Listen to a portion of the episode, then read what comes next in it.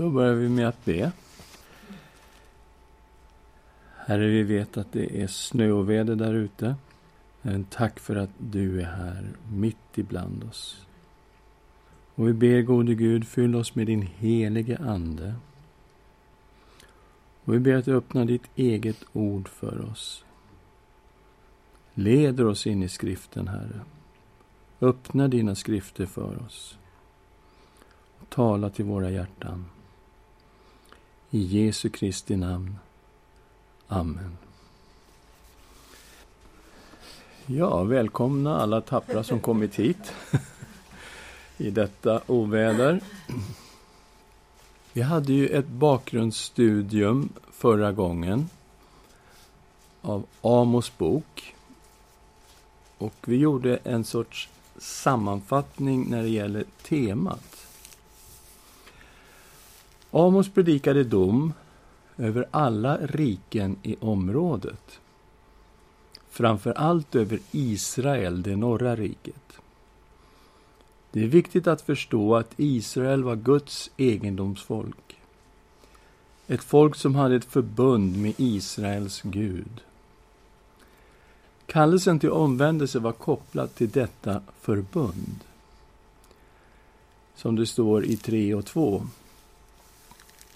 Endast er har jag känt som mitt folk av alla jordens släkten.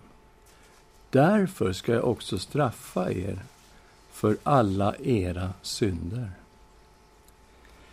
Israel skulle dömas av Gud för sin synd. Till slut skulle folket föras bort i fångenskap bortom Damaskus, och där låg Assyrien. De som vände om fick löfte om upprättelse. Gud skulle en dag resa upp Davids fallna hydda. De ödelagda städerna skulle byggas upp. De skulle få bo i trygghet i sitt land igen. Och Gud skulle välsigna dem.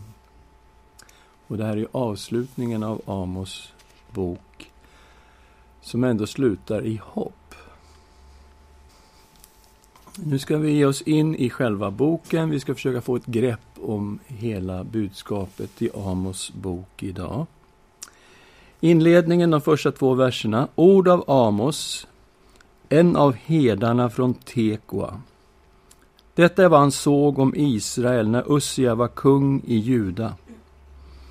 Och Jerobiam, Joars son, var kung i Israel två år före jordbävningen. Han sa Herren ska ryta från Sion, höja sin röst från Jerusalem. Då ska herdarnas betesmarker sörja och Karmels höjd torka bort.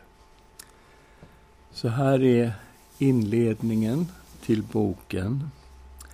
Herren, Jahve, han talar från Sion. Och där stod ju templet. Det är ju tempelberget som är Sion. Men det är också ett ord för Jerusalem. Han ska höja sin röst från just Jerusalem. Och det är mycket så säger Herren i den här boken. Så säger Jahve, han som talar från Sion. Guds närvaro i det allra heligaste i templet i Jerusalem. Och det är Gud Herren som talar genom den här boken. Och hela boken inleder med domsord över alla småriken i regionen. Det inleder så här. Så säger Herren, det är alltså han som talar hela tiden. För tre brott av Damaskus, ja fyra, tar jag inte tillbaka mitt beslut. Och just det här Tre brott, ja fyra, kommer igen för varje dom. Det gäller Damaskus, Filistena, specifikt Gaza. Det är de här städerna nere kring Gaza. Det är ju fem städer som räknas som Filistenas städer. Tyros, det var där uppe i norr. Kuststad i dagens Libanon. Edom, ja det är dagens Jordanien. Ammon, också Jordanien idag. Moab också Jordanien idag. Och även Juda är med i de här domsorden. I stort sett alla de här får domsord över vad de har gjort mot Israels folk. De har tagit fångar, de har gett dem till Edom, det vill säga de har sålt dem som slavar. Tagit fångar, sålt slavar och förslavat israeliter på det sättet. Om Ammon var det att de hade ristat upp gravida kvinnor i Gilead när de skulle inta Gilead. Så att det är liksom grymma saker de har gjort emot Israel framför allt. När det gäller Judas är det lite annorlunda, för där kommer detta med förbundet in igen. Vi tittar i kapitel 2, vers 4 och 5. Så säger Herren. För tre brott av Juda, ja fyra, tar jag inte tillbaka mitt beslut. För de förkastade Herrens lag och höll inte hans stadgar, utan lät sig förledas av sina lögngudar, som deras fäder har följt. Jag ska sända en eld mot Juda, och den ska förtära Jerusalems borgar. Här är det att de har övergivit förbundet. De har alltså inte hållit förbundet, de har brutit Herrens stadgar och de har börjat be till olika lönngudar, alltså avgudar. De har hamnat i avguderi. Och på grund av detta så har de då brutit förbundet och det kommer en dom över Jerusalem. Och vi vet att det är babylonierna som slutgiltigt verkställer den här domen 586 när Jerusalem förstörs. Men huvuddelen av hela Amos bok är riktad mot det norra riket, mot Israel, där Samaria är huvudstad. Och det är detta med att Israel har en förbundsrelation med Herren. Vi läser kapitel 3, vers 1 och 2. Hör detta ord som Herren talar mot er, Israels barn, och hela det släkte som jag fört upp ur Egyptens land. Så har han sagt, endast er har jag känt som mitt folk av alla jordens släkten. Därför ska jag också straffa er för alla era synder. Så i förbundet låg ju villkor. Vi kommer ihåg villkoren om välsignelse och förbannelse. Om Israel höll förbundet, höll Herrens lag och höll fast vid Herren som sin Gud, ja, då skulle många välsignelser komma över Israel. Men om man bröt förbundet, vände sig bort från Herren, började tillbe andra gudar, ja, då skulle en förbannelse komma över folket. Det var villkoren i det här förbundet som Gud gjorde med Israels folk vid Sinai berg. Och det är det här förbundet som ligger i botten. Man förstår att det är det Gud talar om när han kallar Israel till omvändelse, att komma tillbaks till honom. Herren hade gjort så mycket för detta folk. Han hade befriat och hjälpt Israel, kapitel 2. Vi läser vers 9 och 10. Det var jag som förgjorde amoreerna för er. Det var höga som sedrar och kraftiga som ekar. Men jag förgjorde deras frukt upp till och deras rötter ner till. Och det här är när Josua kommer in och Israel intar Kanans land. Det är då detta sker. Så fortsätter han. Det var jag som förde er upp ur Egyptens land och ledde er i öknen i 40 år tills ni tog amoreernas land i besittning. Så Herren är den som har befriat dem ut ur Egypten. Han är den som har gjort ett förbund med det här folket. Han gjorde så att de kunde inta det här landet som Gud hade lovat till Abraham, Isak och Jakob. Och nu ställer Gud folket till svars. Vi kommer in i fjärde kapitlet och vi ser att Gud hade sänt många olika domar över Israel men som det står här, ändå har ni inte vänt om till mig, säger Herren. Och till slut måste Israel ställas inför sin Gud. Och det handlar om att folket ska få stå till svars inför Gud. Kapitel 4, vers 12 och 13. Därför ska jag göra så med dig, Israel. Eftersom jag ska göra så med dig, så bered dig att möta din Gud, Israel. För se, han som formar bergen och skapar vinden och förkunnar sina tankar för människan. Han som gör gryningen till mörker och går fram över jordens höjder. Herren Gud, Sebaot, är hans namn. Så Israel, nu det som återstår, du kommer att få möta din Gud. Och då är det detta med förbundet som ligger i botten. Hur skulle Israels Gud tala till sitt folk? Ja, han talade från Sion, men han talade genom sina profeter. Han talade genom Amos, det förstod vi ju redan från början, att det här var syner som Amos hade fått. Det såg vi i första versen. Och Herren ska ryta från Sion, så det är genom sin profet som Herren ska tala. Men folket, de vände sig emot profeterna. Kapitel 2, vers 11 och 12. Bland era söner väckte jag upp profeter, bland era unga män nasirer. Är det inte så, ni Israels barn, säger Herren. Men ni gav vin till nasirerna och befallde profeterna, profetera inte. En nasir var ju en människa som hade vikt sitt liv åt Herren. Kunde vara hela hans liv. Som eh, när det gäller Simson till exempel, eller Johannes döparen eller så. Men ibland kunde det vara en kortare tid man gav ett nasirlöfte.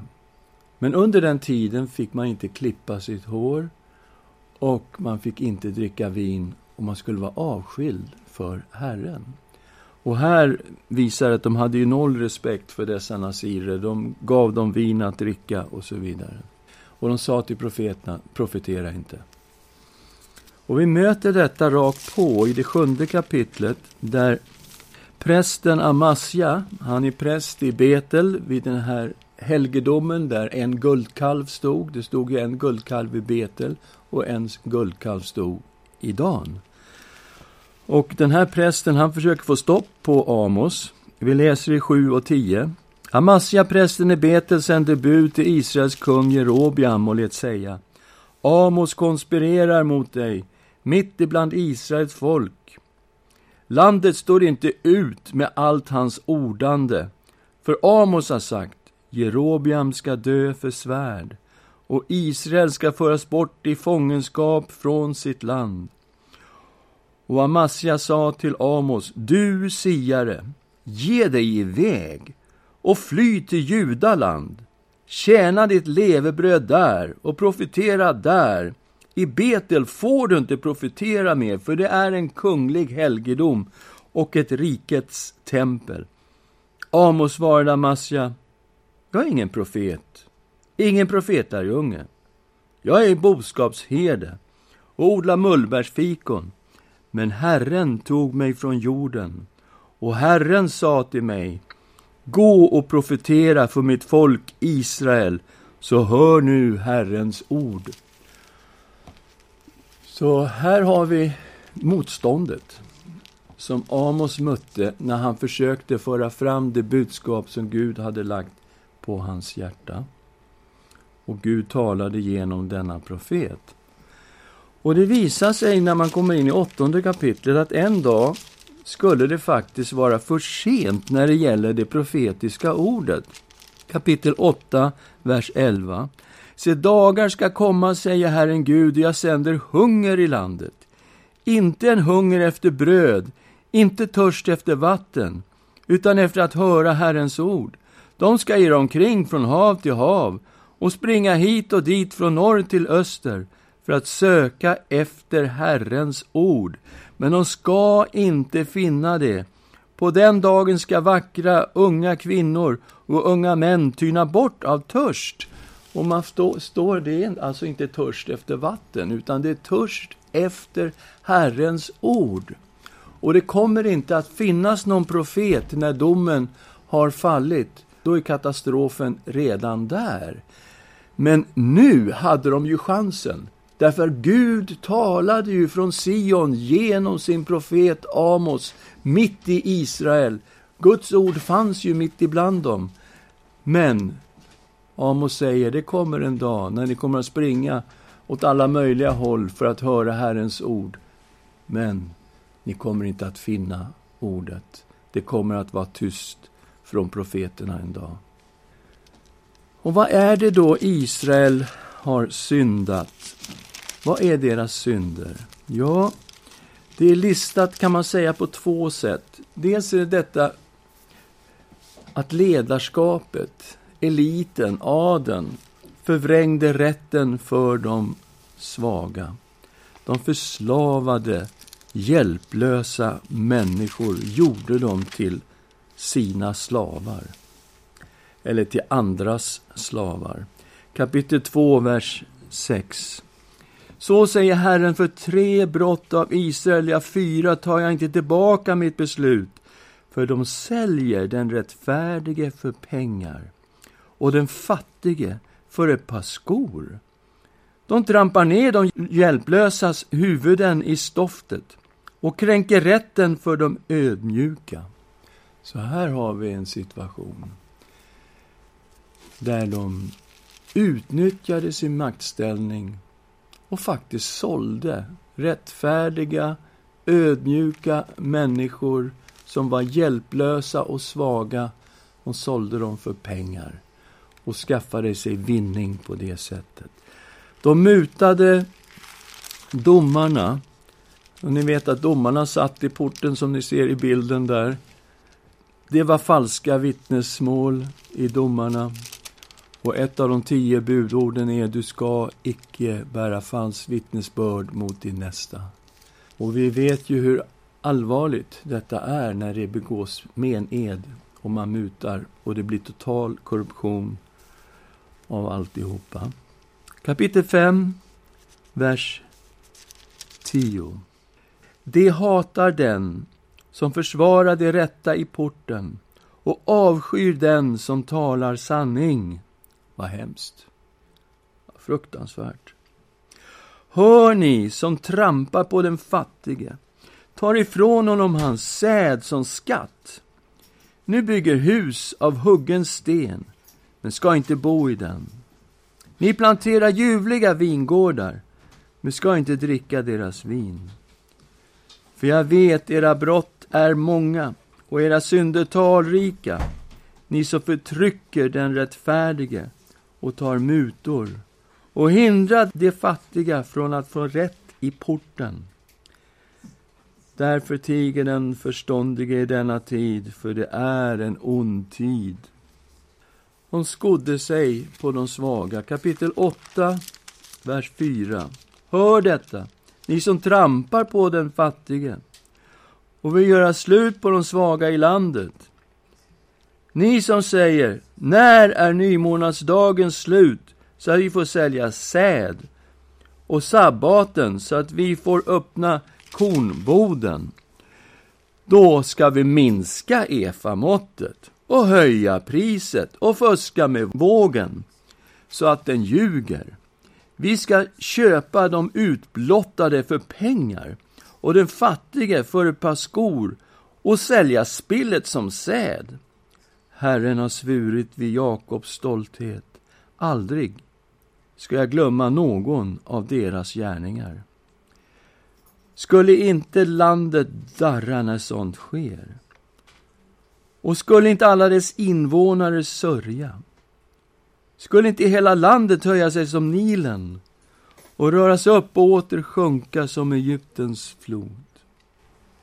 Så här ser vi ett av problemen. Förtrycket av de svaga och fattiga och man berikade sig på människor som var hjälplösa. Den andra sidan vi ser är ju synkretismen. Vi vet att det fanns en guldkalv i Betel, en guldkalv stod uppe i Dan. Och Jerobiam, som hade satt upp de här kalvarna på 900-talet, han sa detta är Herren din Gud, Israel, som har fört dig upp ur Egyptens land. Så han påstod ju att detta var en representation av Jahve. Så det uppstår en sorts synkretism i allt detta. Och vi ska läsa bara de tre första buden i de tio Guds bud, dekalogen. Vi kommer till Andra Mosebok 20, vers 3. Du ska inte ha andra gudar vid sidan av mig. Du ska inte göra dig någon bildstod eller avbild av det som är uppe i himlen eller nere på jorden eller i vattnet under jorden. Du ska inte tillbe dem eller tjäna dem. För jag, Herren din Gud, är en nitisk Gud. Jag låter straffet för fädernas missgärningar drabba barnen till tredje och fjärde led när man hatar mig. Men visar nåd mot tusentals när man älskar mig och håller mina bud. Du ska inte missbruka Herren din Guds namn, för Herren ska inte låta den bli ostraffad som missbrukar hans namn.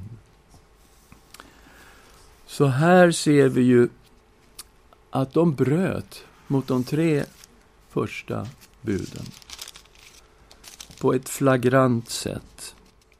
Det fanns balstyrkan i landet och det anar vi i kapitel 2, vers 7 och 8. Far och son gå till samma flicka för att vanhelga mitt heliga namn. På kläder som tagits i pant sträcker de ut sig vid varje altare och bötfälldas vin dricker det i sin Guds hus. Så det här vet vi att balstyrkan var väldigt utbredd i Israel.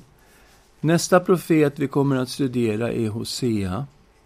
Och Hosea bok tar precis hand om just det här problemet med balstyrkan. Rakt genom hela boken handlar om detta stora problem. Så vi vet att det fanns fruktbarhetsriter. Det fanns eh, som tempeltärnor.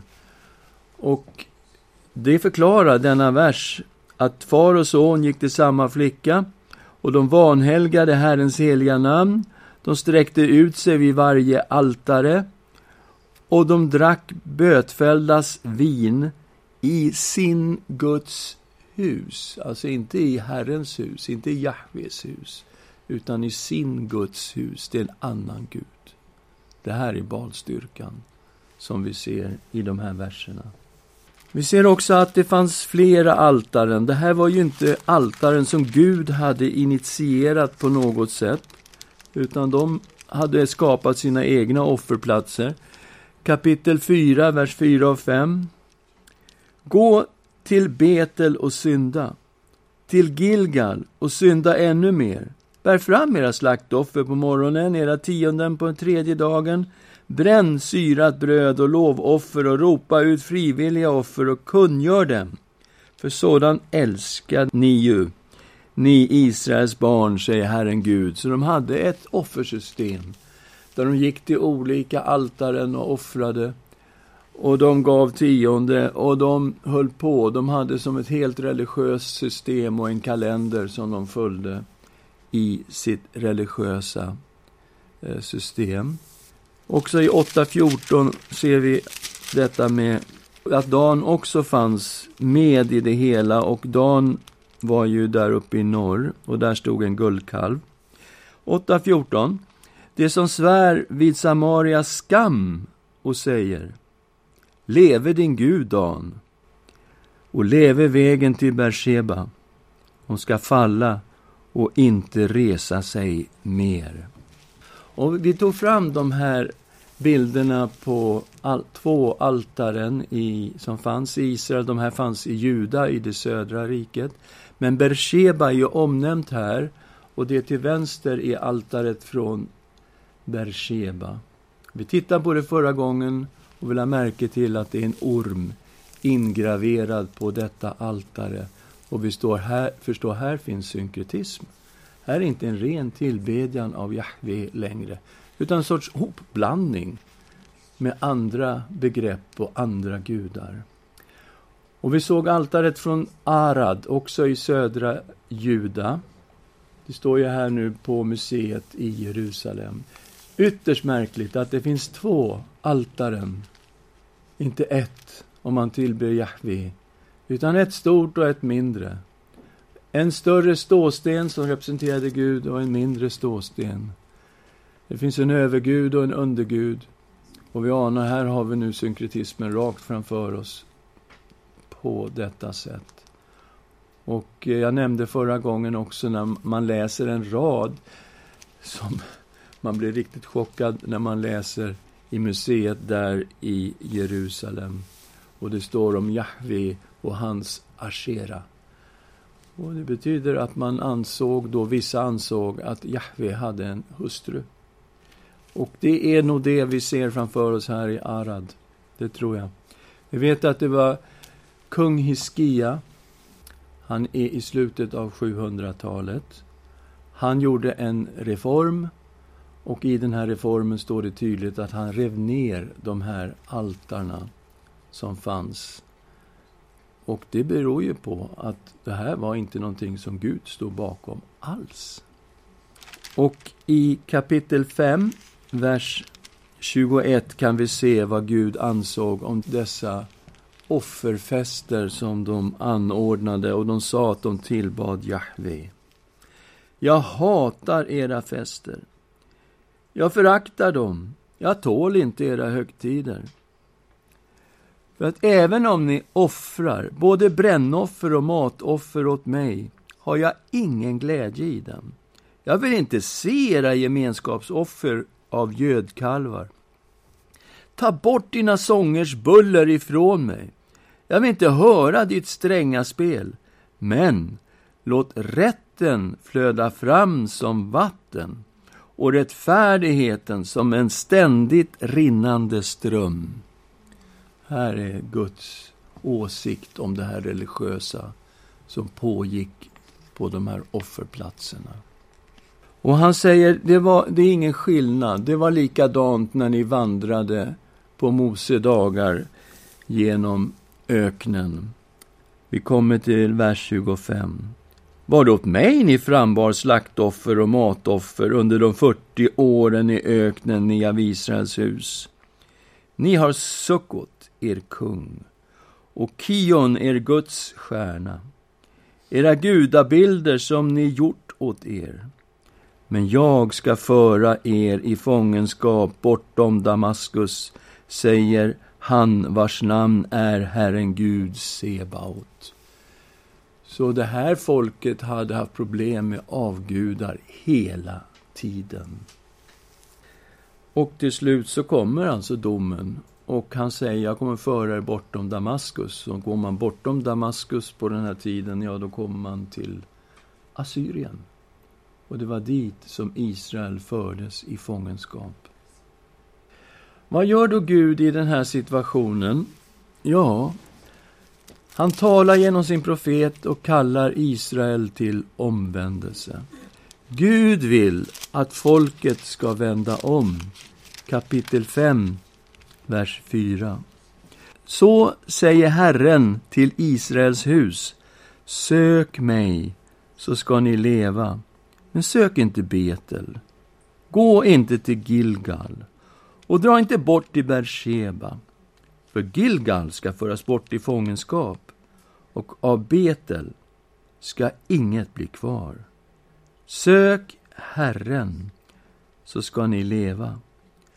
Annars ska han drabba Josefs hus likt en eld som förtär och ingen kan släcka den så att Betel räddas. Så här ser vi nu hur eh, Gud talar ut emot de här platserna. Det ska inte bli någonting kvar, men han kallar dem till omvändelse. Sök Herren så får ni leva.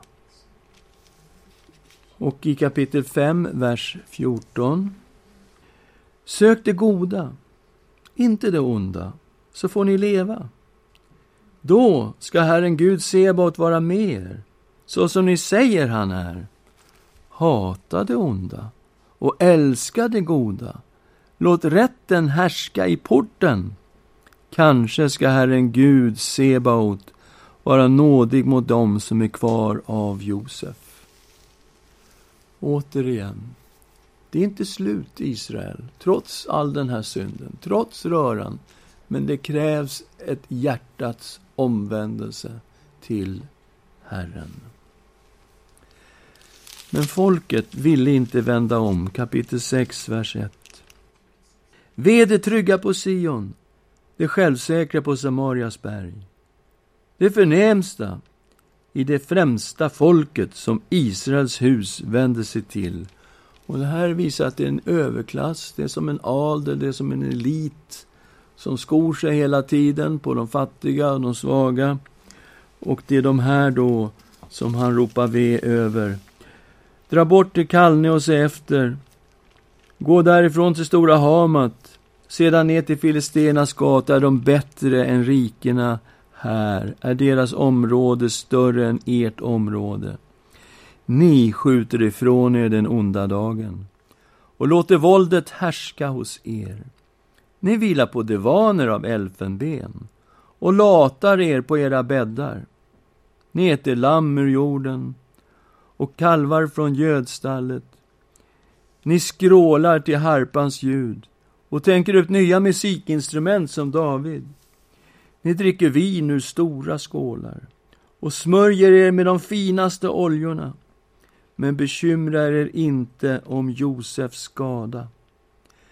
Därför ska de nu vara först att föras bort i fångenskap. Då är det slut med skrålet från dem som latade sig. Alltså det är ju inte bara lata så, det är sådana som förlustar sig i lättja, kan man säga. Så det var inte kört, men folket ville inte vända om. De bekymrade sig inte alls över Josefs skada. De struntade i situationen. Och vad gör då Gud till slut? Ja, han står vid sitt förbund. Och när han står vid sitt förbund, då innebär det att Guds domar kommer att gå över Israel. Huvudstaden Samaria skulle dömas. Kapitel 3, vers 9. Ropa ut över borgarna i Ashdod och över borgarna i Egyptens land.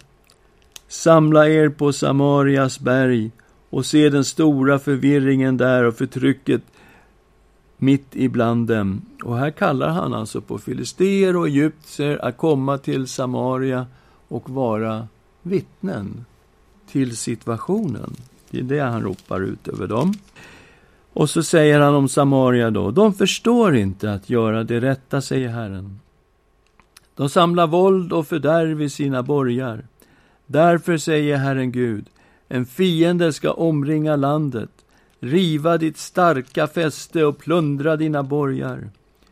Så säger Herren. Som herden räddar du lejonets skap, ett par benpipor eller en bit av ett öra så ska Israels folk räddas.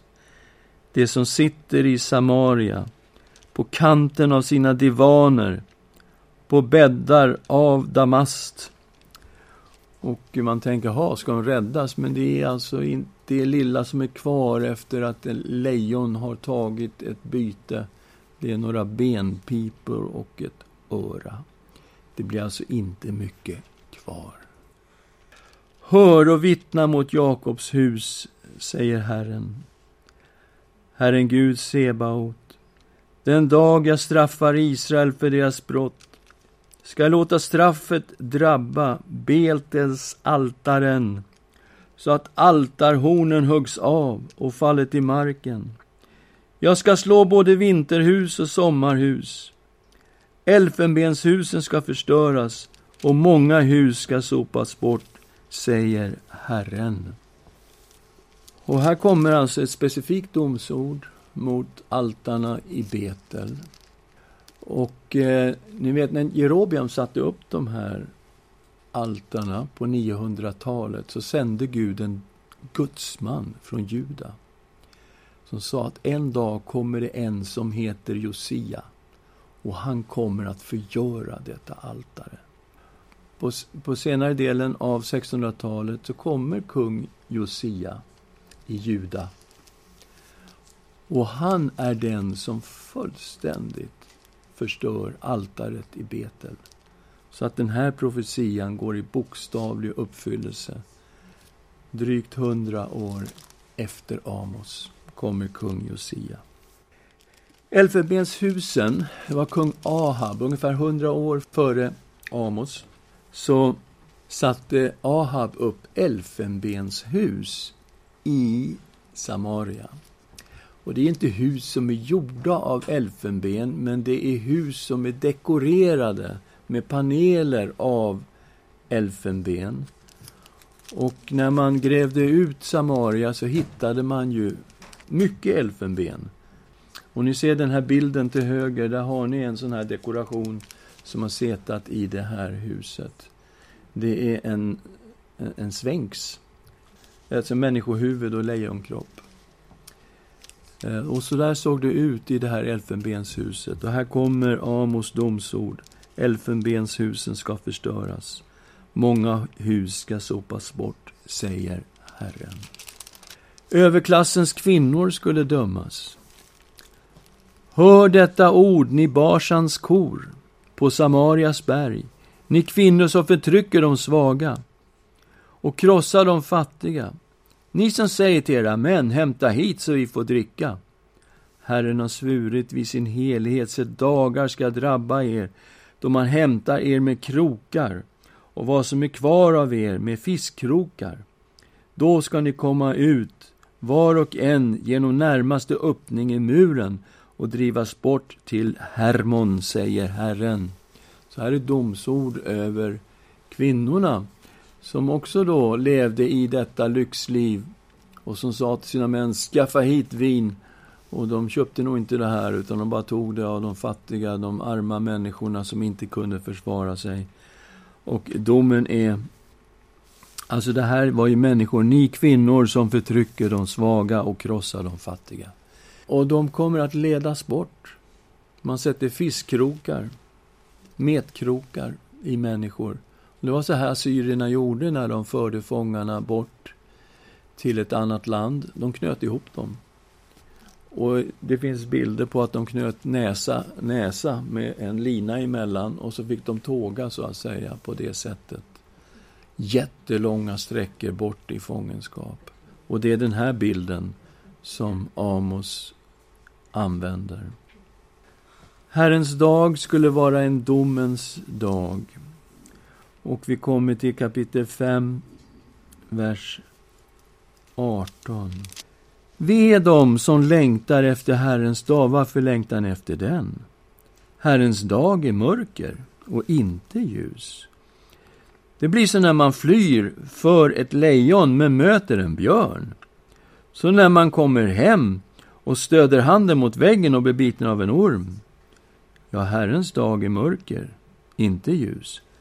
Becksvart, utan en strimma av ljus. Så, Herrens dag är en domsdag. Och Israel var moget för dom nu.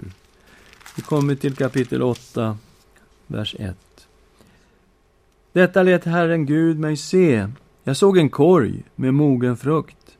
Han sa, vad ser du, Amos? Jag svarade, en korg med mogen frukt.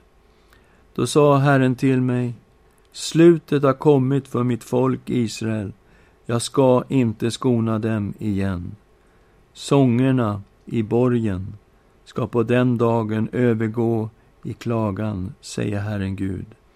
Döda kroppar i mängd ska i tysthet kastas överallt. Och bilden med korgen det var mogen frukt och Israel var nu moget för Herrens dom. Det slutet hade kommit.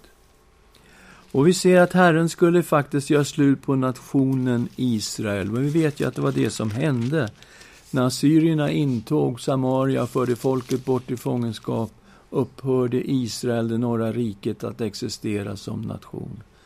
Vi kommer till det nionde kapitlet, vers 1. Jag såg Herren stå vid altaret och han sa, slå till på hela huvudena så att trösklarna skakar. Låt spillrorna falla över huvudet på alla. Den som är kvar ska jag döda med svärd. Ingen av dem ska kunna fly. Ingen av dem ska kunna rädda sig. Och så kommer olika bilder på hur omöjligt det kommer att bli att komma undan Guds dom. Även om de bröt sig in i dödsriket skulle min hand hämta dem därifrån. Även om de steg upp till himlen skulle jag störta dem ner därifrån. Även om de gömde sig på toppen av Karmel skulle jag hitta dem där och hämta ner dem. Även om de gömde sig för min blick på havets botten skulle jag där befalla ormen att bita dem. Även om de gick i fångenskap framför sina fiender skulle jag där befalla svärdet att komma och döda dem. Och jag ska fästa min blick på dem till deras olycka och inte till deras lycka. Herren Gud Sebaot rör vid jorden, den smälter och alla hans invånare sörjer. Hela jorden höjer sig som Nilen och sjunker åter som Egyptens flod. Han bygger sin sal i himlen, grundar sitt valv över jorden och kallar på havets vatten och öser ut över jordens yta. Herren är hans namn.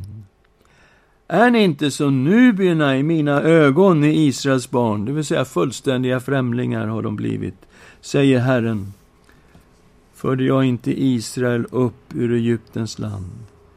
Filisterna från Kaftor, Amoréerna från Kir. Se, Herren, Guds ögon, är emot detta syndiga rike och jag ska utplåna det från jordens yta. Ändå vill jag inte utplåna Jakobs hus helt, säger Herren. Så riket, som vi kände det från 931 fram till 722, kommer att gå under och det kommer att utplånas. De förs bort i fångenskap. Och de tio stammarna i Israel, vi vet inte ens riktigt var de håller hus för de blev förskingrade bland folken. Det finns representanter för stammarna även under nytestamentlig tid, men stammarna som sådana blev kvar ute i bland folken. En del återvände, och det kommer vi till sen. Det är i det nionde kapitlet vi kommer se när hopp talas till dem som har omvänt sig. De som har lyssnat till profeten och de som är trogna Herren. Där finns det hopp. Men för resten, inte. Det är slut när man läser Amos bok. Och tyvärr har tiden gått också. Så att vi måste avsluta här och fortsätta nästa gång. Men låt oss be tillsammans. Här är det skakande att läsa detta. Att detta förbund som Israels folk ingick med dig vid Sinai berg, att det var ett förbund som gällde också på den här tiden, på Amos tid, på 700-talet. Och när folket bröt det här förbundet på alla tänkbara sätt, då gick dina domar över Israels folk. Herre, hjälp oss som lever i en synkretistisk tid, som lever i en relativistisk tid, där det är så lätt för oss att hamna i någon sorts oklarhet och otydlighet. Hjälp oss, Herre, att följa dig. Hjälp oss att vara trogna dig. I Jesu Kristi namn. Amen.